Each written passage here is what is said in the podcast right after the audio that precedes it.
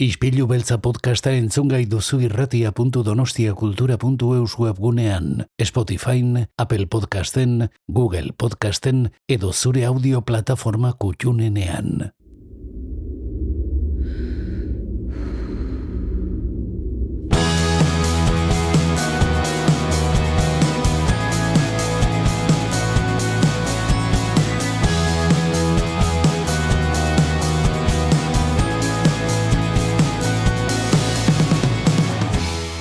Donostia kultura irratian gaude entzule badekizue, atzo iragarri genuelako gaur zea maiz izango genuela gurekin izpilu beltzan, eta badekizue baita ere Victoria Eugenian kontzertua eskeniko duela ekainaren hogeita batean oier adarra saria mm -hmm. irabazi du aurten, aiora renteria daukagu gurekin, parez pare gainera, eh? Zelujua, Egun hon, aiora? Egun hon.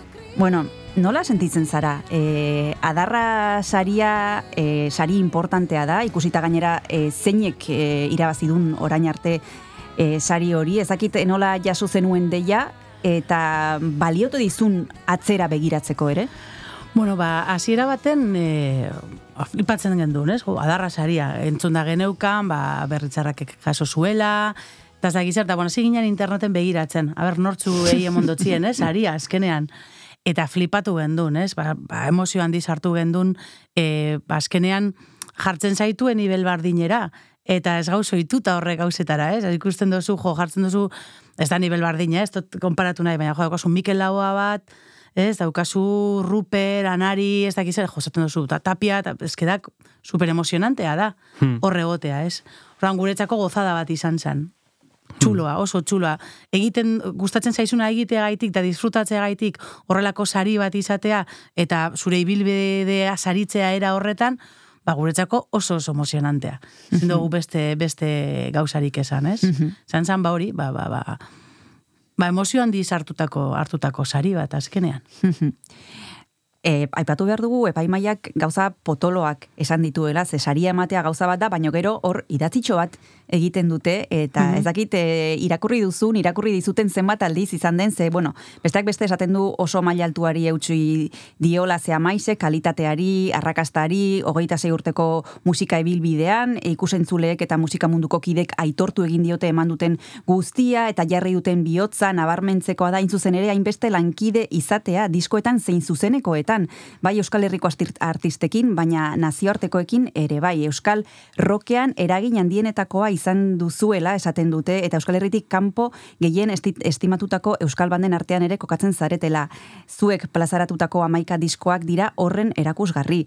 Bueno, kasi arnasa falta zaitu hori guztia esateko bai, bai, eta bai. nik ezakit Eh, bueno, eske gauza asko dira, ezta? Rekonozimendua da. Bai, rekonozimendu oso, oso, oso potoloa, eta horregaitik, ba, bueno, guretzako, ba, esaten genduena, emozio handi sartu gendun, eta gero arro ere sentitzen gara, ez? Azkenean, balen komentatu dudana, gu super gustora gabiz, egiten dugu gauzak bihotzez, aurrela ataratzen zaigu eta disfrutatzen gabiz. Mm. Eta horrek gainera, ba, jendeak horrela ere ikustea, ez? Mhm. Zuk nola bizi duzun eta jendeak horrela ikustea, bada sekulako sentsazioa, ez? Mhm. Azkenean da, gauza kointziditu egiten dute, eta moten du, ba, ba, ba, ba, makinariak funtzionatu egiten Mhm. duela, ez? Eta hori, ba, hori, ba, ba oso, oso emozionantea da, eta arro egoteko modukoa ere, bai, ez? E, rekonozimendua aipatu dugu, e, aipatu dituzu hainbat izen, ez? E, egia da, eta nik askotan bulta asko mandiziotu nire, baina egia da, laroita margarren amarkada maiera sortutako talde askok, e, ia batera bete dituzuela, ez? E, Bai. Urte betetzeak, ez? Mhm. Eta, eta bada alako e, artista olatu oso oso oparo bat, eta orain heldutasun batean ere, e, ba bueno, e, ba, publiko handia duena. E, Bai, a jar- ber, ez? laro eta margarren amarka oso potentea izan zen musikalki. Uste dute e, talde rockeroak inoiz e, mainstreamean ezin e, egonen e, ez zirenak momentu horretan hor egon ziren, ez? Mhm. Gaur egun rock hori ez dago puntu horretan. Mainstreamean beste gauza batzuk daude, baina Mhm. laro garren amarka horretan baseuden. Ez, ba, ba, ba, nirvana bat, eta ez, olako, Bai. olako taldeak, orain ez deki leku hori mundu mailan guk hori dena bizi izan dugu, Euskal Herrian pilo bat taldek hori bizi izan dugu, ez? Eta hortik hartu genuen ere, eta uste dut oso oparoa izan zala ere bai, eta talde asko mantendu gara, o- orain arte, ez? Hainbeste urte holtzara igotzen, oraindik ere zirrara e, ber- berbera sentitzen duzu? Ba, nik beldur ezugarria ez, e, daukat e, esenatokira joan behar nahi zen e, momentuetan. Lehen aurretik askoz ere nervio gehiago nituen, baina dinot ordu bat asko lehenago. Orain igual lasaiago nago, baina ja hurbiltzen danean beti beldur hori sentitzen dut, urduritasun bat sentitzen dut, eta eta danok, eh, gudanok. Eta atera baino lehen, beti-beti txisalarri gaude laurak. Osea, eta hori holan da. Eta uste dut dala oso interesantea ez galtzea, ez? Azkenean daukazu errespetu bat egiten dozunagaitik, ez dozu errez moduan hartzen edo zeo zer normala moduan hartzen daukazu, beti ondo atarako da, ez? Bueno, ahotsakin beti, zukere jakingo zu, ahotsakin azkenean beti gauz oso salduta, ez? Eta orduan, e, ez dakizu, ba, aguantako dozka ahotsak gaurkoan amaierar arte, ondo ingo du, zer ez? Orduan, horrek ere, paranoia horrek eramaten ditugu gurekin urteetan. Eta naiz eta esperientzia izan, gauza hain naturala denez, eta eta momentu askotan kontrola ezina, bastakizu non dirora joango dan, eta orduan tentzin hori ikusi egiten da. Baina nik uste dut, txuloa dala, ez? Hori mantentzea pizka bat, beldur hori, ze azkenean da errespetua daukazula egingo dozuna gaitik, ez? Eta, eta, eta hori hori bai mantentzen dugula. Kontzertu horretik dauzen horrek eh, momentuak ja musika introa jartzen dugunean, ba, gainera bako, oso urduria gara danak, eh? Niri, osea, nik gehiago saltzen dut hori, ez? Nik esaten dut, eta urdurian izela. Eurek ez dute esaten, baina bakoitzak euren roioa daukate. Orduan momentu horretan egiten dugu gure gure tikez bardinak danak e, e, e, holtzara atera horretik eta horrek mantentzen ditugu oraindik. Musika eskatu behar dizugu gaiora, zure abesti bat nahiko genuke jarri.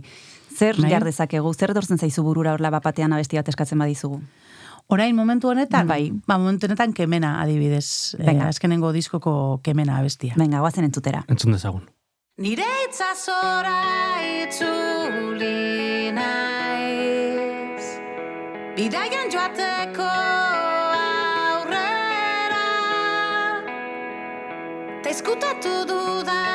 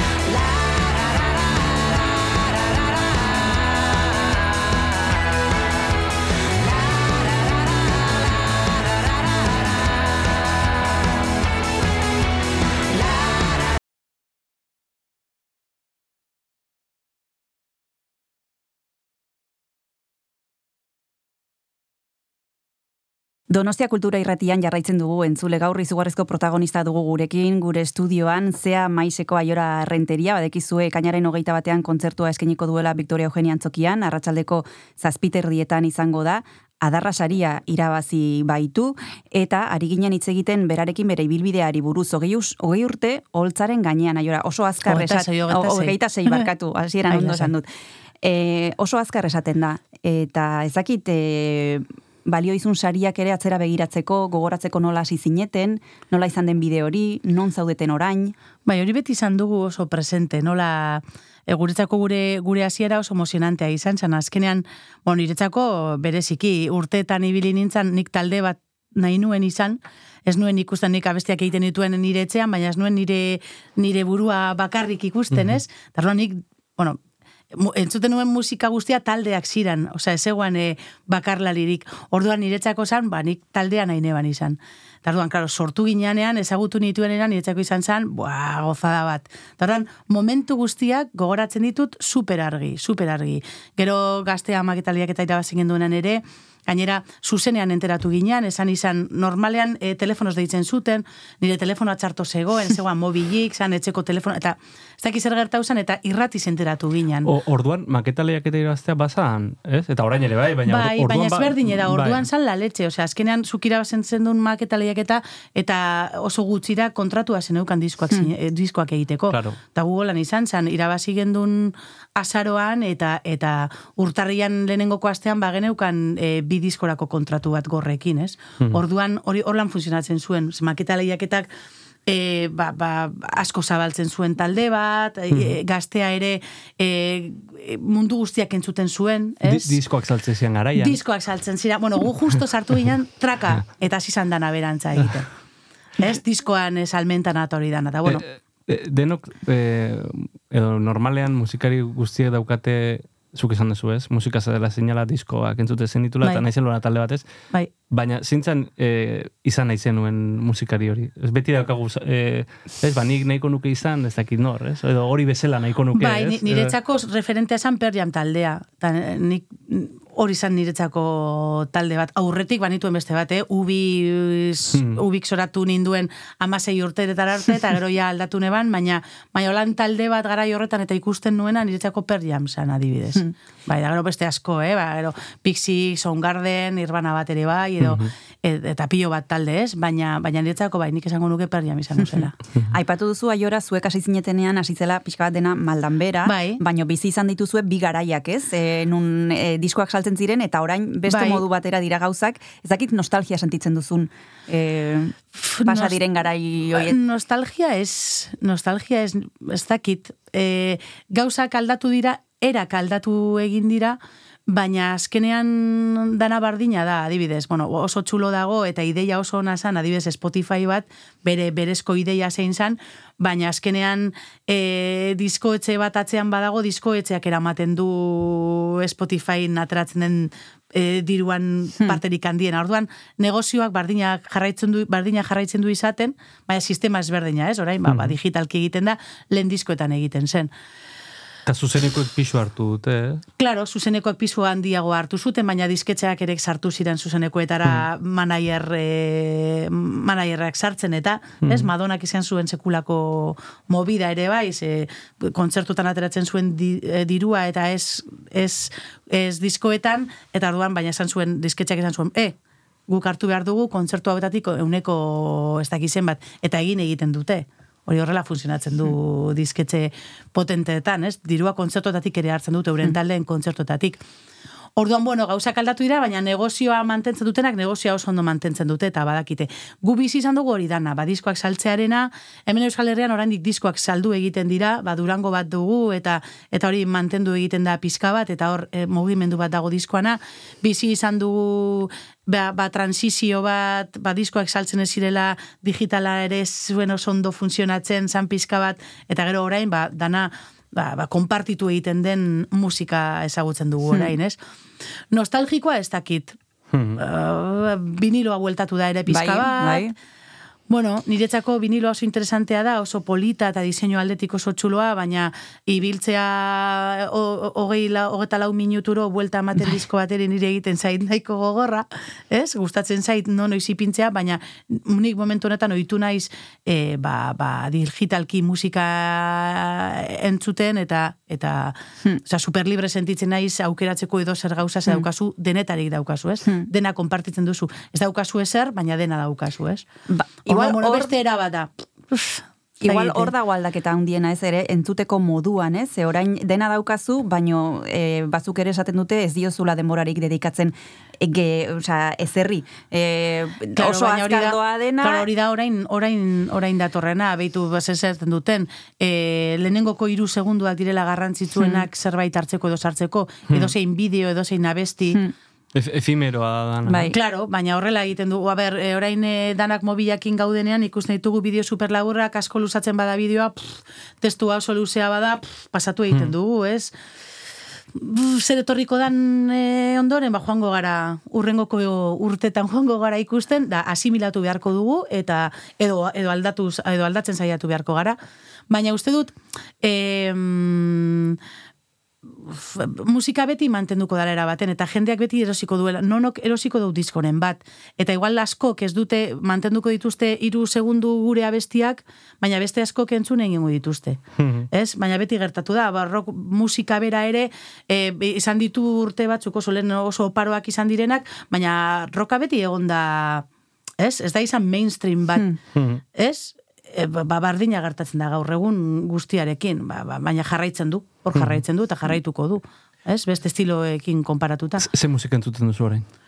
Nik orain, pf, badanetarik, e, ba, lopo lesbian asko entzuten dut, eta jarraitzen dut e, entzuten, baina hori estatu mailara, ba, Leon Benavente eta eta horrelakoak, ka, e, kanpokoak The Strokes asko, asko entzuten dut, eta bueno, horretan nabil hori da normalean jartzen dudan. Eta gero hortik ere bateratzen zaizuna, askotan e, algoritmoak eramaten zaitu leku ezberdinetara, Bai. gauza asko pasatu egiten ditut, baina beste gauza asko gorde egiten ditut, ez? Eta horrela, ba, e, musika ezberdina ezagutzeko aukera daukazu. Beldurra diozu e, inteligentzia artifizialari?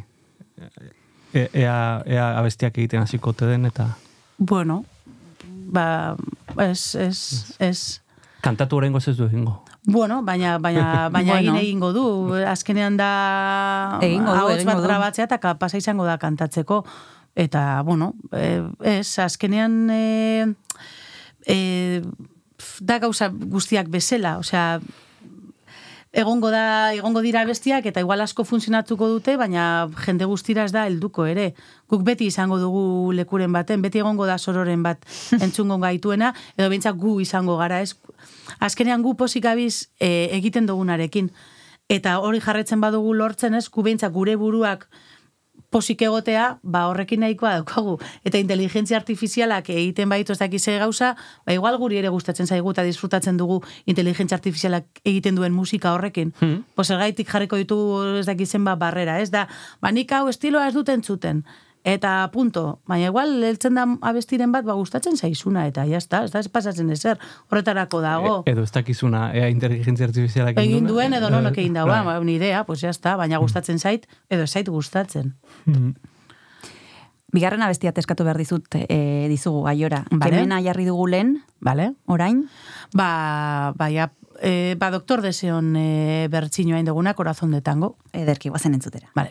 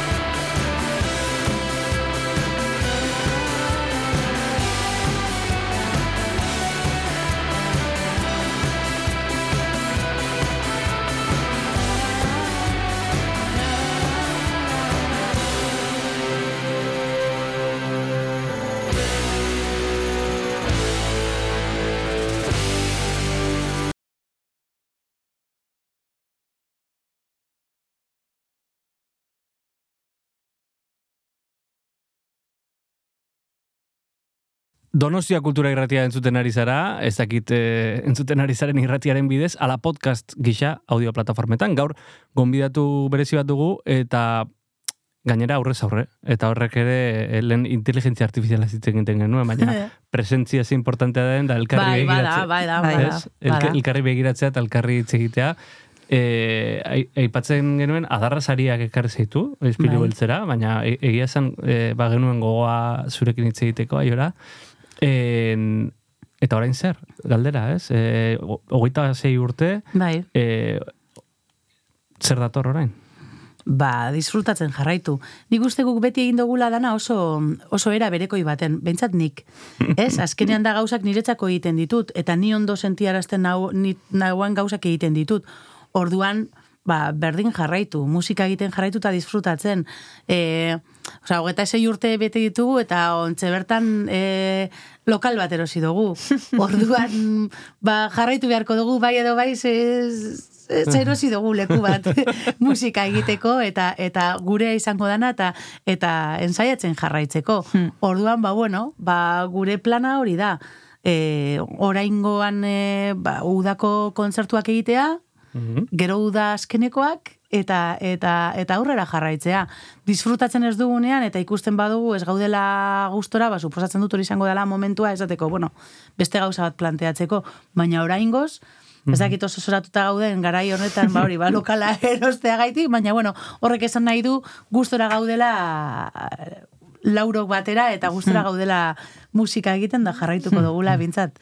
Zaiatuko gara jarraitzen da hori da plana, ez daukagu plan e, berezirik, ez? Azkenean zer egiten dugu musikariok, ba, disko bat egiten duzu, kontzertuak egiten dituzu, eta gero beste disko bat egiten duzu, ez abestiak egiten jarraitu, eta eta eta zure abestiak eh, plazaratzen jarraitu, ez? Lo, lokala erosi duzuela esan duzu, beti, Bai. beti izan zeate ausartak, ez? E, ausartak esan nahi eta apustuak egiten, e, e, adibidez nazioarteko produktorekin lan egiten, Bai. ez? Beste begi batzuekin. E, Bai, hor, bueno, hor- horretan saiatzen gara, a ber, em, kontzertutan beti daukazu, lehen kontatu dugun zirrara hori, ez? Edo, edo, edo, edo horreke, horreken ur, urduritasun txiki horrek, ez?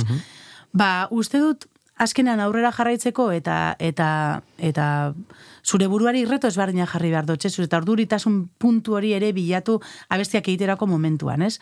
Orduan, e, jende ezberdinekin lan egitea, hori ekartzen du. Azkenean daukazu, e, vale, egingo dugu abesti bat, eta grabatuko dugu. Grabatu ditugu, eun abesti, esperientzia daukazu grabatzen. Ez? Esperientzia daukazu abesti bat egiten. Emon behar dutzezu beste toke bat, ez? Eta uste dut diskotik diskora beti egin dugula zerbait urduritasun puntu hori emateko, ez? Eta hau izan da, ba hori, ba, joatea, ba, ba, produktore ezberdinekin, e, gustoko izan ditugunak, eta eurekin nahi gendun lan egin, eta ara joan, euren estudioetara, eta grabatu, eta zaki zer, jo, beldur hori kendu dugu. Eta hori ikasi dugu. Orduan urrengorako segaitik ez beste gauzan bate egitea, ez? Ba, pentsatuko dugu, beti beti egongo da zerbait, ba, berria, baina hori etorriko da, ja planteatzen duzunean, ez? Beste, ze, ze, ze, ze Martxan zaudelako. Hori da, ez? Eta beste zerbait egingo dugu fijo, baina, karo, nok daki momentu honetan, ez? Baina bilatu, bai, beti ibili gara bilatzen. Ba, urteetan ibili gara lastrakin, tiopeten grabatzen, gero egin genuen salto bat, eta joan ginen e, e, andoainera joan ginen, eta grabatu genuen produktore batekin, hori ja super ezberdina izan zen, eta ja, klaro, hau nahingo salto hau izan da, Bari, bueno, aurretik ere, ba, deifekin, grabatu genuen Bai. tiopeten ere, beste sal- salto hori, eta gero azkenengoakoa izan da hori, baina joan, e, bi abestirekin bakarrik, eta abestiak justo momentuan eginda, ez itxaron da, osea, abestiak igual zuten amar egun, eta Ja. joan ginen ja grabatzera, ez? Orduan, probatzen dituzu gauza ezberdinak. Zer egiten du horrek? Si, urduritasun puntua jartzen du, e, beldurra ere bai, baina gero ikusten duzu, jo, ba, kapasa gara hau egiteko, ez? Ba, urrengoan ikusiko dugu, aber, zertarako kapasa garen. Ze, adibidez, lehenengoa grabatzera joan ginean, Ricky Follnerrekin, hasi ginean jotzen, izan zen desastre bat. Euki genituen pilo bat arazo lokalean, ezin izan genuen ensaiatu, azkenengoko abestiak zituzten, ba, ba, ama bostegun. Bai. Da azkenengo amar egunak, lokalen ezin genuen ensaiatu, arazo bat izan genuen, bueno, si- sin más, Bai. eta ezin genuen ensaiatu. Orduan joan ginen ara, bi abesti berrikin, eta ensaiatu gabe. Azten gara jotzen, desastre bat, nik, nik justo rikirekin eta eta teknikariarekin beste kaldean, eta bestea jotzen behiratzen dut, eta hau normalean ez da holan, eh? Ez da, baina hola, un korte de la leche. Ba, ba hori, beldur hori daukasulako ere, eta gertatzen direlako gauza batzuk. Baina gero, pare bat buelta, eta funtzionazten hasi Bai. izan, eta eta aurrera joan, Nola joan ziren, eh? eh? Toma Hori ona, da. toma ona topatzeko. Hori da, ba, beldurgarria, baina horretarako e, lan egiten baduzu ekoizle batekin, ekoizleak erabakitzen du zein den toma ona. Eta hori niretzako izan da munduko gauzarik onena. Hmm. Zelen, zer, zer zan rollo bat, toma ezberdinak entzuten egotea, Bai. eta erabakitzea zein den onena. Bueno. Orain, nik egiten duzu toma batzuk, ala, venga, zuk esango, Beste norbaitek zein den hartzen du onena, erabakia. Jo paso moto. Ez? Ze oso zaila da, jakitea zein den onena. Ez? Batzutan e, e, ez da perfektuen dagoena, ez? Ez, ez. Baina hori erabakia jaztu hartu behar. Claro, Hori da. Eta hori- delegatu egin duzu hori. Ya está, bai. Ze ondo. Bai, bai. Da, jakin da, e, usten dituzun toma horiek denak zerbait Bai, bai. daukatela eta balio Bai, bai. dutela, ez? Baina ja, ez duzu erabaki hori hartu behar. Eta orduan hori oso puntu ona da e, niretzako adibidez, ba, ba, ba, lan egiteko estudio baten. Zekentzen dizu sekulako sama. Baituzu beste batzuk dira nahiko potenteak diranak, eta hori hori kenduta daukazu, ez? Aipatu duzu denbora guztian gauza ezberdinak egiten dituzuela, baino zuen lana badela disko bat egitea, kontzertuak ematea, disko bat egitea, kontzertuak ematea eta badu rutina puntu bat ere, bai? Bai. Sentitu duzue rutina batean zaudetela eta ari zaretela, e, bueno, ba, fabrika batean e, tornilloak egiten bezala, sentitu duzue hori, ze orain adibidez, e, duela gutxi jakin izan dugu Alejandro Sanzek, e, bueno, pentsatu duela bere karrera etetea, e, ez dagoela gustura egiten duenarekin, eta badira olakoak e, noiz Ja. behinka, ez dakizue ire hortatu zaizuen noizbait hori sentitzea, jo, e, Ez, uste dut oso oso oso oso urrun dagoela torloioak egite diot, e, e, a, e, analogia hori oso, bai. oso, oso, oso urrun dago. Zenaiz eta azkenean e, sentimenduetin jolasten dozu. Abestiak ez dira bakarrik, ez da fabrika baten ateratzen direnak. Ez dago bat gehi bat, bi bat, Mhm. ez? Dago, gauza asko daude, sentimentu asko daude. Eta orduan ez dut horrela inoiz ikusten. Uste dut prozesu guztiak ezberdinak direla, naiz eta esperientzia izan, Eta bai, guk bai saiatzen gara gaina beste toke bat ematen, ez? Ba, azkenean behar duzulako ere, nire ustez bizitzan gauza, edozein gauzatarako eman behar diozu beti toke bat, ez? Da, ba, superazio sentsazio txiki bat, ez? Baina rutina, nik uste musika talde baten rutina egotea oso zaila da, oso zaila da. Behintzat, Euskal Herriko, guk nik ezagutzen dudan e, Eszena, bez- lekuan, ez? Oso zaila da rutina bat izatea. Eta noizbait pentsatu duzue edo eragina izan du e, besteek esaten dutena, orain adibidez aipatu ditugu algoritmoak eta Bai. nola e, oso azkar doan dena, ezakit horrek eragina duen zuen e, zuen musikan, noizbait pentsatu duzuen besteengan zuek e, egin behar duzuena egiteko. Ez, ez azkenean e, uste dut beti puntu horretan oso bereiek bereko izan garela. Osea, guk e, munduan dagoena entzuten dugu, eta era baten edo bestean asimilatuko dugu fijo, Hmm. ez dakit zelan, baina azkenean guk egiten duguna, e, ez diogu inori galdetzen, eta ez dugu planteatzen, jo, begiratu ze estilo dagoen gaur egun modan, e, emeti joango gara, guk ez dugu inoiz planteatzen biderik. Zakit, gauzak ateratzen dira, eta ezberdin ateratzen dira, azkenean musika ezberdin entzuten duzulako ere, bai. Eta gauzak aldatzen direlako, eta hori ere pasatzen dalako zure filtrotik. Baina berez, pentsatu, edo norbaiteri galdetu, edo norbaiten, e, jendeare, klaro, entzuten diogula, ber zer uste duen eta zer ez. Baina azkenean holan ezin da bizi gutxiago art, kultura egiten edo artea egiten, ez? Ezin zara ibili besteak zer esaten duen, nola espresatuko zara, osea, eh, nik ezin dut kontatuzuk nahi duzuna, nik kontatuko dut nire ateratzen zaidena, zaidana, ez? Eta horregaitik gu daukagun bereko eta esun puntu hori e, uste dut musika egiteko eta talde bezala oso ona dela, ez? Osea, guk egiten dugu musika bat, eta funtzionatzen badu, de puta madre. Ez badu funtzionatzen, pues bueno, gu gustora gelditzen gara, ez? Izan ditugu beste disko batzuk ez dutela hainbeste eh, arraskasta izan, eta beste batzuk gehiago, beste batzuk gutxiago, Bai. beste batzuek esan digute, ba, onarte zaitugu gehiago jarraituko, eta beste batzuk, ba, ba jarraitzen gaituzte. Pues ya está, baina gu gure bidean gaude, gu oso fidela gara gure buruari azken baten, eta uste dut hori dela garrantzitsuena, ez? Disfrutatzea, eta, eta, eta bakoitza posik sentitzea egiten duenarekin. Igual gertatzen zaiona da Alejandro Sanzeri, ba, ba ez duela bere burua aguantatzen ja gehiago eta eta behar du deskantzu bat. Ba, bueno, ba, berak egingo du egin beharrekoa, eta igual guri no nos etorriko jakuri be bai, eh? Zaten du, mira, pff, no me aguanto ni a mí misma ni a ti, ni eta gitxiago, ez?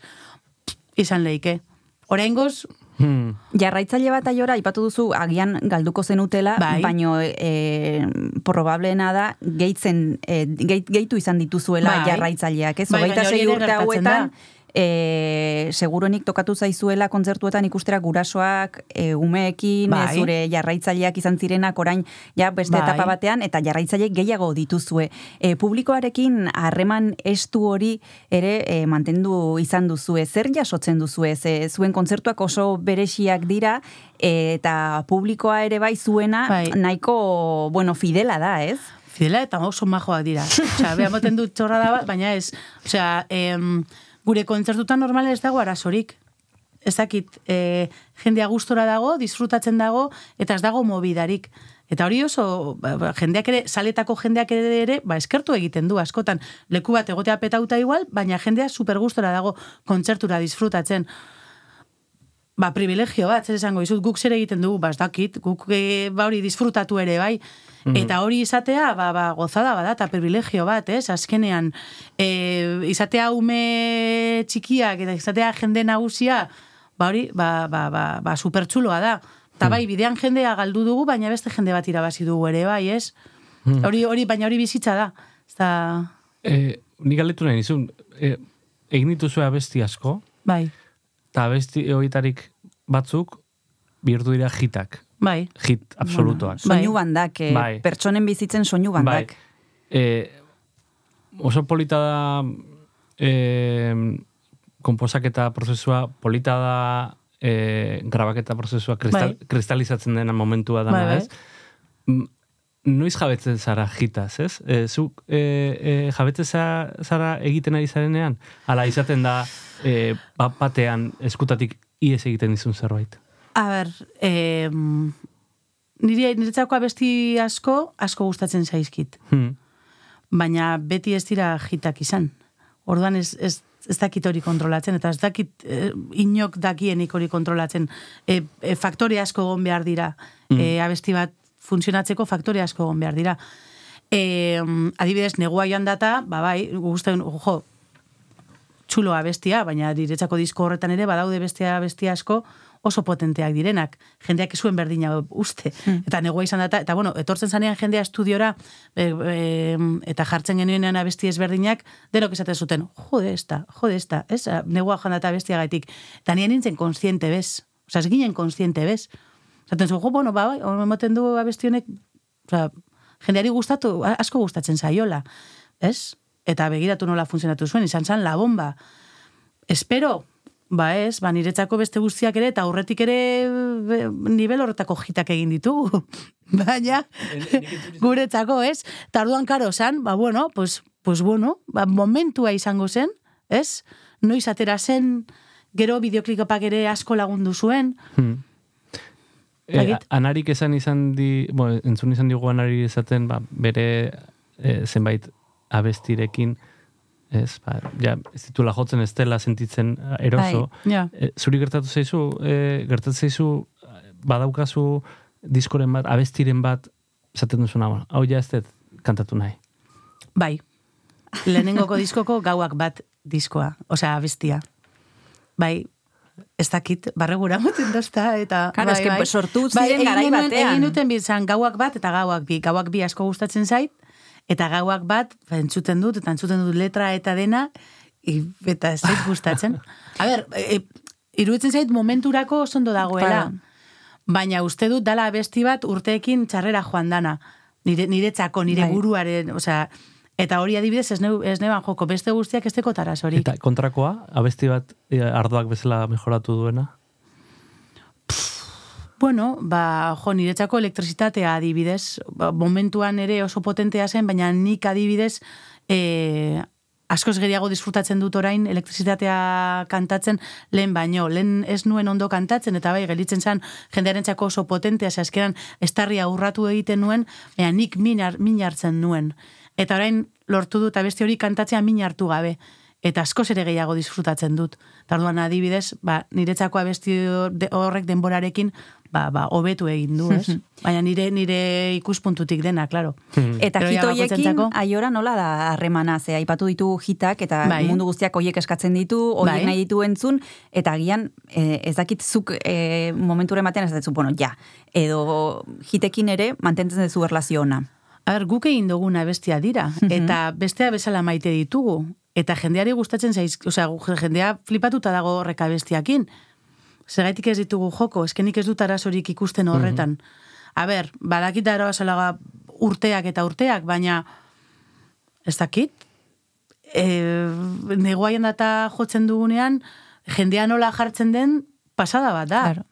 Ez? Orduan, zertarako botako ditut harriak nire, nire, ez, lan zaten da, ez, Teilatura. Ez que, e, funtzionatzen du. Zergaitik kenduko diogu hori jendeari, gure gu, gu ikustera etortzen dan jendeari, ez? Iruditzen zait, ez, ez zait buruan oso sartzen. E, da, maite duguna besti bat, egin dugu beste guztiak bezala. E, badaude abestiak, eh, hainbat urtetan jotzen ditugunak, elektrizitatea bezala. E, kenduko dugu elektrizitatea repertoriotik, ez? Temazo bat da, jendeak disfrutatu egiten du, eta guk ere, bai. Orduan i- oso arraroa egiten egingo zitzaidan, ba horrelako abesti bat kentzea, ez? Mm Zergatik kenduko dut dugu aian data. Osea, zagit. E, adarra saria, Bai. itzulu gaitezen, ekainako goita batean Bai. e, izango da kontzertua Victoria Eugenia antzokian, sarrerak agortuta. Ah, bai. E, Ja. Ze, ust, non, zerbait gelituten da uste dut, eh? O, bai. E, eh, bekoa uste dut bekoa, bukatuta dagoela, Bai. bueno, naiz enteratu bez, eh? bueno, baina eta ez badira bukatu, e, bukatuko dira bai. laizter. hori espero dugu, E, bai. Tira, ze esperoko dugu kontzertu hortarako, Entzu, entzuleak Bai. joan, joateko asma badu. Bai.